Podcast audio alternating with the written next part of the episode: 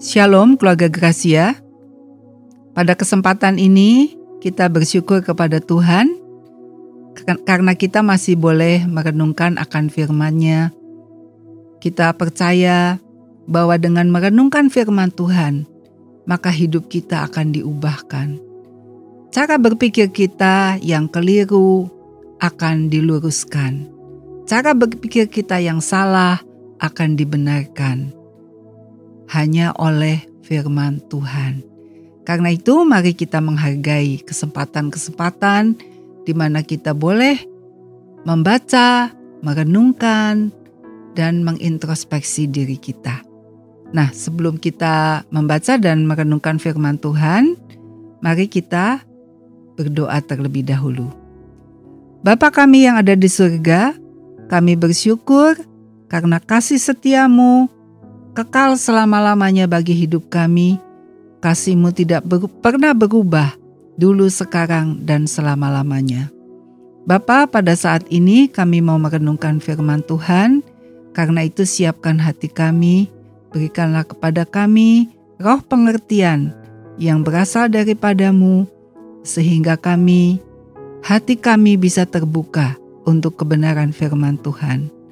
Dan hati kami bisa dikoreksi hati kami mau berubah dari sikap-sikap yang salah, dari sikap yang tidak benar, hidup kami menjadi ciptaan yang baru.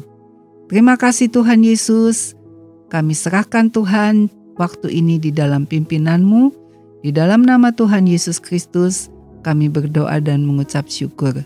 Haleluya, amin. Keluarga Gracia yang dikasihi Tuhan, kalau kita suka mendengar pembicaraan daripada anak-anak muda zaman now ya. Anak-anak muda zaman sekarang, salah satu istilah yang sering kali mereka pakai adalah kepo. Mungkin dari kita juga ada yang tahu apa sih maksudnya kepo itu. Saya mencoba membuka di internet, di kamus gitu, apa sih kepo itu? Ternyata kepo itu adalah orang yang serba ingin tahu, katanya begitu. Jadi kalau seperti orang tua yang selalu mau tahu anaknya tuh ke mana, temennya siapa, perginya ke mana, sedang apa, udah makan belum gitu. Di, uh, mereka punya istilah kepo, uh, mau tahu aja gitu. ya, bahkan katanya Entah benarkah, tapi katanya kepo itu singkatan dari bahasa Inggris yang berbunyi knowing every particular object katanya. Kepo itu singkatan dari itu. Saya jadi teringat di sekolah terang bangsa ada seorang guru yang pada suatu hari dia itu diberi gelar atau predikat sebagai guru yang paling kepo katanya saat itu kepengurusan OSIS mem, membuat sebuah seperti apa ya kayak untuk mencari gitu apakah uh, guru ini paling ramah ada guru yang paling uh, galak gitu ya. Nah ada seorang guru yang mendapat predikat paling kepo katanya paling serba ingin tahu. Karena apa? Karena guru ini sangat memperhatikan siswa-siswinya. Jadi kalau sedang istirahat, lalu guru ini suka deket-deket gitu sama murid-murid. Lalu lihat, eh kamu udah makan belum? Gitu ditanyain. Kamu makan sama apa sih? Gitu. Ya kalau yang belum makan, kenapa kamu nggak makan? Ayo makan. Nggak ser katanya. Nanti nggak saya nggak uh, apa-apa katanya dia gitu. Lalu guru ini tahu bahwa wah kayaknya dia tuh nggak punya uang nih buat makan. Jadi guru ini membelikan makanan buat siswa itu. Ya, saking baiknya gitu, guru itu diberi predikat guru yang paling kepo. Ya, di dalam hidup ini kita sebagai manusia juga suka kepo. Ya, entah uh, entah kita tuh sadar atau tidak sadar ya, kita tuh suka kepo gitu loh. pengen tahu. Contohnya, kita pengen tahu nanti masa depan saya bagaimana sih gitu ya. Nanti saya ini bakalan menikah sama siapa? Nanti saya bakalan kerja apa? Saya bakalan jadi sukses atau tidak ya? Gitu. Ya. Banyak orang di dunia ini pengen tahu hal-hal tentang terutama tentang masa depan. Lalu pengen tahu kenapa sih saya dijadikan perempuan? Kenapa sih saya dijadikan laki-laki? Sehingga ada yang laki-laki kepengen jadi perempuan, ada perempuan yang kepengen jadi laki-laki. Karena nggak ngerti gitu, kenapa sih kok begini? Gitu ya. Nah, firman Tuhan di dalam ulangan 29 ayat 29 berkata demikian. Hal-hal yang tersembunyi ialah bagi Tuhan, Allah kita, tetapi hal-hal yang dinyatakan ialah bagi kita dan bagi anak-anak kita sampai selama-lamanya, supaya kita melakukan segala perkataan hukum Taurat ini. Di dalam ulangan 29 ayat 29 itu dijelaskan bahwa kita itu tidak bisa atau kita itu tidak selalu bisa tahu akan segala sesuatu yang ingin kita tahu. Karena ternyata di dalam hidup ini ada hal-hal yang tersembunyi. Dan hal-hal yang tersembunyi itu adalah miliknya Tuhan. Yang memang kita tidak diberitahu. Begitu. Firman Tuhan bilang begitu, ya.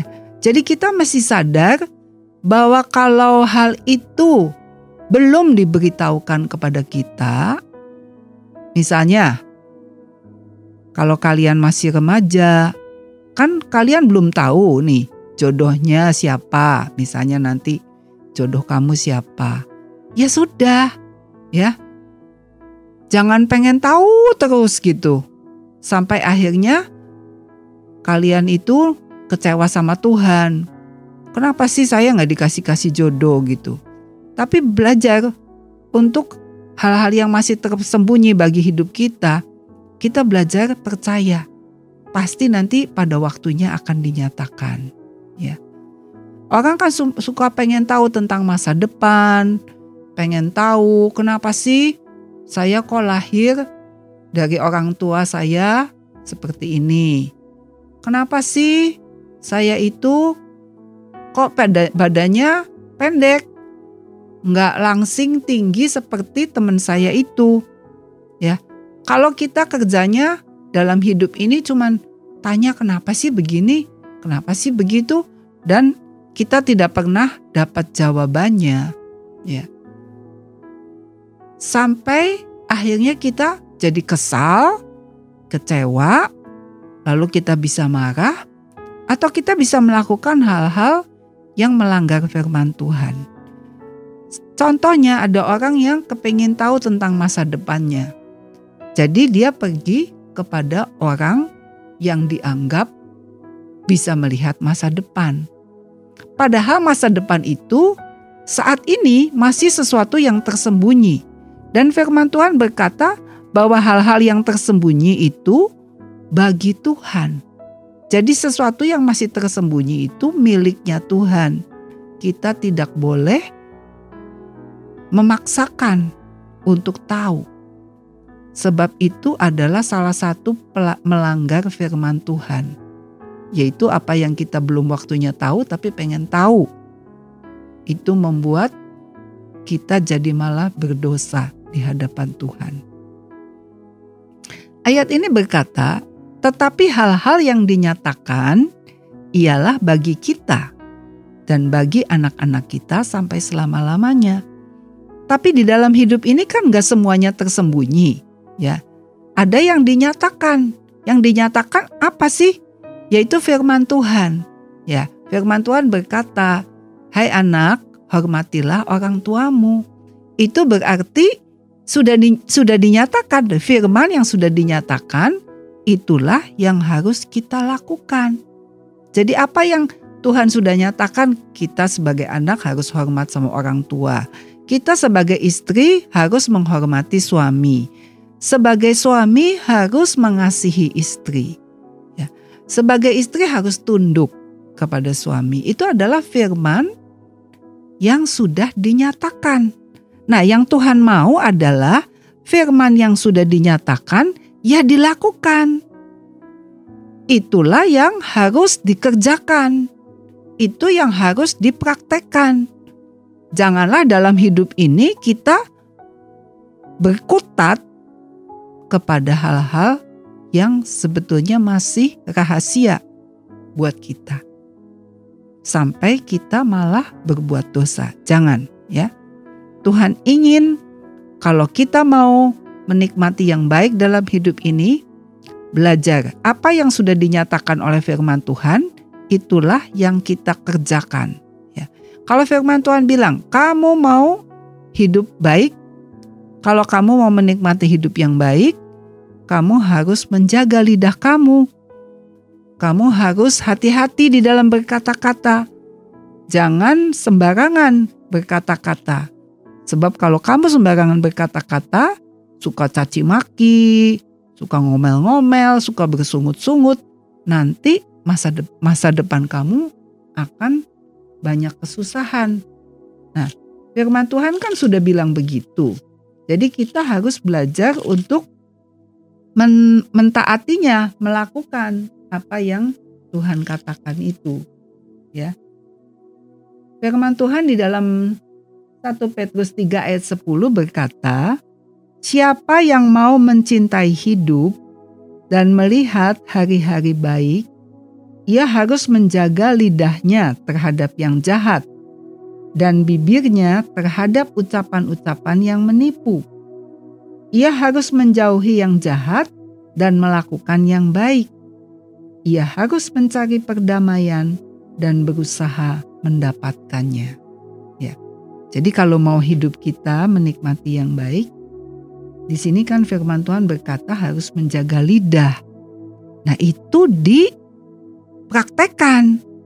Kalau kita sadar bahwa aduh saya tuh masih suka salah ngomong, saya tuh masih suka kebablasan kalau bicara.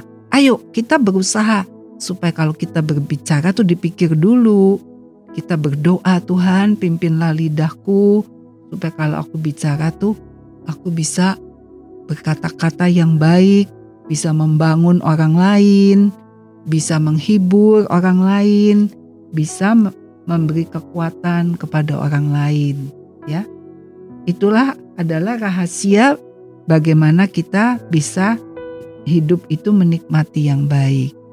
Jadi jangan melakukan yang salah, yang justru yang tersembunyi itu kita utik-utik, kita coba cari sampai kita jadi berbuat dosa. Di dalam bahasa Indonesia masa kini berkata, ada beberapa hal yang dirahasiakan Tuhan Allah kita. Tetapi hukumnya telah dinyatakannya kepada kita dan kita serta keturunan kita harus mentaatinya untuk selama-lamanya. Ya. Jadi di sini dikatakan ada hal-hal yang memang sama Tuhan dirahasiakan.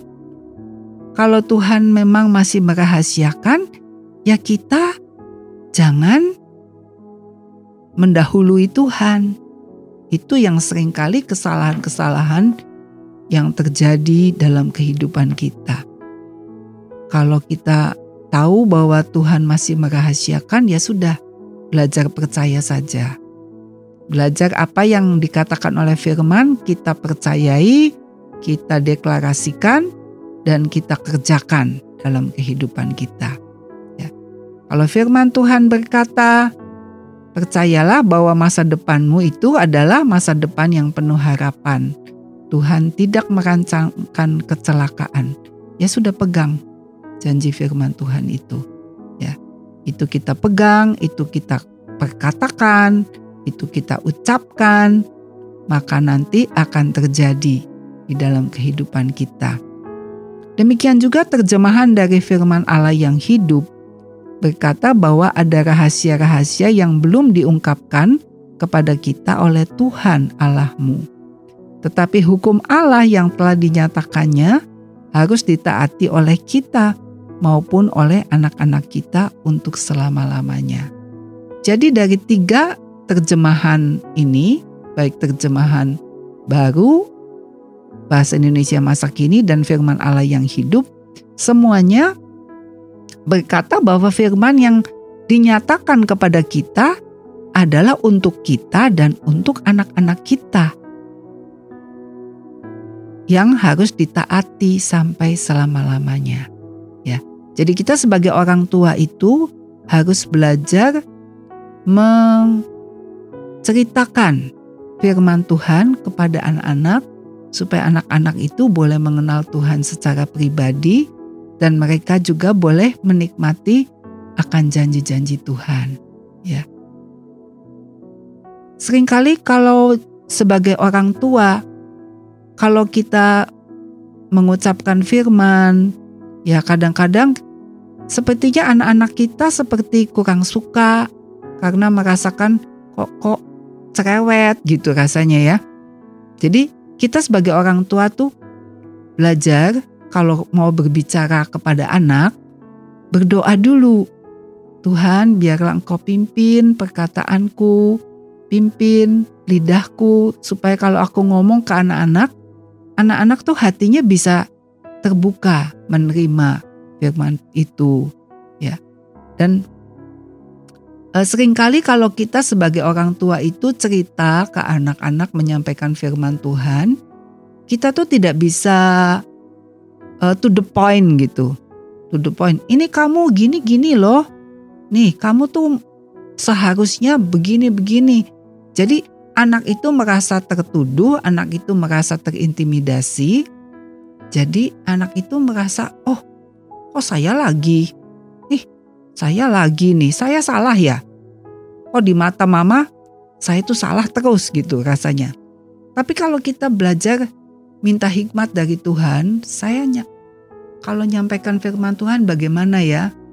Saya mendengar ada pengalaman seorang ibu kalau dia mau menasehati anaknya, dia tidak to the point, ya langsung menuding gitu ya kesalahan kamu di sini, kamu tuh salah, harusnya begini, harusnya begini. Tetapi dia berusaha cerita gitu ke anaknya. Cerita dengan sebuah kisah atau cerita dengan sebuah ilustrasi. Pokoknya ada cerita gini, ketika anak si ibu menceritakan kisah itu, lalu si anak itu dengerin ya karena tertarik dengan ceritanya. Nah, nanti pada akhir daripada cerita itu, nah kita bisa mengambil pelajaran dari cerita tadi bahwa ini pelajarannya itu. Kita bisa menyampaikan eh, pesan-pesan daripada cerita itu atau ilustrasi itu memang berkomunikasi dengan anak-anak, berkomunikasi dengan pasangan kita sering kali tidak mudah ya. Di dalam keluarga kadang-kadang kita itu merasakan uh, sudah biasa gitu. Istri sudah biasa ngomong sama suami, suami sudah biasa ngomong sama istri. Orang tua sudah biasa ngomong sama anak. Anak merasa sudah biasa ngomong sama orang tua sehingga kadang-kadang bahasa kita itu tidak ditata dulu gitu kalau mau ngomong, asal aja ngomong ya. Dan kalau pasangan kita sedang hatinya mungkin nggak enak, hatinya sedang galau, lalu diterimanya perkataan kita itu sebagai sesuatu yang menuduh atau menyakitkan atau mengkritik ya. Padahal kita sebetulnya tidak bermaksud seperti itu. Tapi karena kita tidak bisa membaca situasi, maka bisa terjadi miskomunikasi atau salah paham di dalam keluarga. Jadi, kita sebagai istri juga, kalau mau ngomong sama suami atau mau ngomong sama anak, kita belajar bisa membaca dia situasinya lagi enak nggak gitu. Kalau kelihatan lagi sibuk, kelihatan lagi banyak pikiran, kelihatan lagi repot. Oh berarti nggak tepat nih kalau saya mau ngomong. ya atau saya mau menyampaikan isi hati saya atau saya mau memberitahu ini sebaiknya jangan seperti itu gitu. Kita mesti lihat, oh bukan saatnya nih, gak cocok. Ya udah kita tunggu, kita tunggu nanti kesempatan lain. Pasti kesempatan itu akan tersedia untuk kita bisa mengungkapkan isi hati kita. Ya. Jadi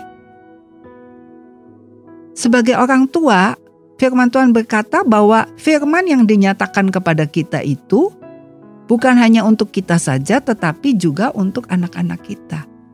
Jadi anak-anak anak-anak kita itu perlu mendengar ya. Apa saja yang ketika kita baca Alkitab, kita dapat sesuatu, kita bisa ceritakan lagi kepada anak-anak sehingga mereka pun nantinya punya pengalaman pribadi dengan Tuhan. Di dalam Amsal 25 ayat 2 dikatakan, kemuliaan Allah ialah merahasiakan sesuatu, tetapi kemuliaan raja-raja ialah menyelidiki sesuatu. Ya. Ya. Jadi memang firman Tuhan sudah mengatakan bahwa nggak semua hal dalam hidup ini kita bisa mengerti. Nggak semua hal dalam hidup ini Tuhan itu berkenan menyatakan. Selalu ada yang kita nggak ngerti apa nih. Ya kenapa seperti ini, kenapa begitu. Ya. Memang itu adalah kedaulatannya Tuhan dan itu adalah sifatnya Tuhan yang harus kita belajar menerima. Tetapi percaya bahwa Tuhan itu tetap baik dan selalu mengasihi kita. Itu yang Tuhan mau. Di dalam firman Allah yang hidup dikatakan Allah berhak merahasiakan sesuatu. Jadi kita jangan kepingin tahu segala-gala. Kalau kita nggak tahu ya sudah. Ya. Ada seorang anak juga yang uh, ketika lahir dia diadopsi oleh orang tua yang lain. Dan ketika anak itu mengetahui bahwa dia diadopsi, dia terus bertanya-tanya ya Tuhan, kenapa saya kok begi, uh, tidak dibesarkan oleh orang tua saya sendiri? Nah itu kan merupakan rahasia. Kita mungkin tidak bisa mengerti sekarang, tetapi percayalah bahwa Tuhan itu pasti baik. Maksudnya, rencananya, tujuan hidupnya buat kita itu pasti baik ya. Jadi firmannya berkata Allah berhak merahasiakan sesuatu dan raja berhak menyelidiki. Jadi kita sebagai orang di dalam sebagai orang-orang yang dipilih Tuhan itu kan raja. Raja artinya pemimpin. Kita itu hidup kita harus membawa dampak buat orang lain. Harus jadi berkat buat orang lain. Makanya kita disebut raja. Jadi Allah itu berhak merahasiakan sesuatu tetapi raja berhak menyelidiki.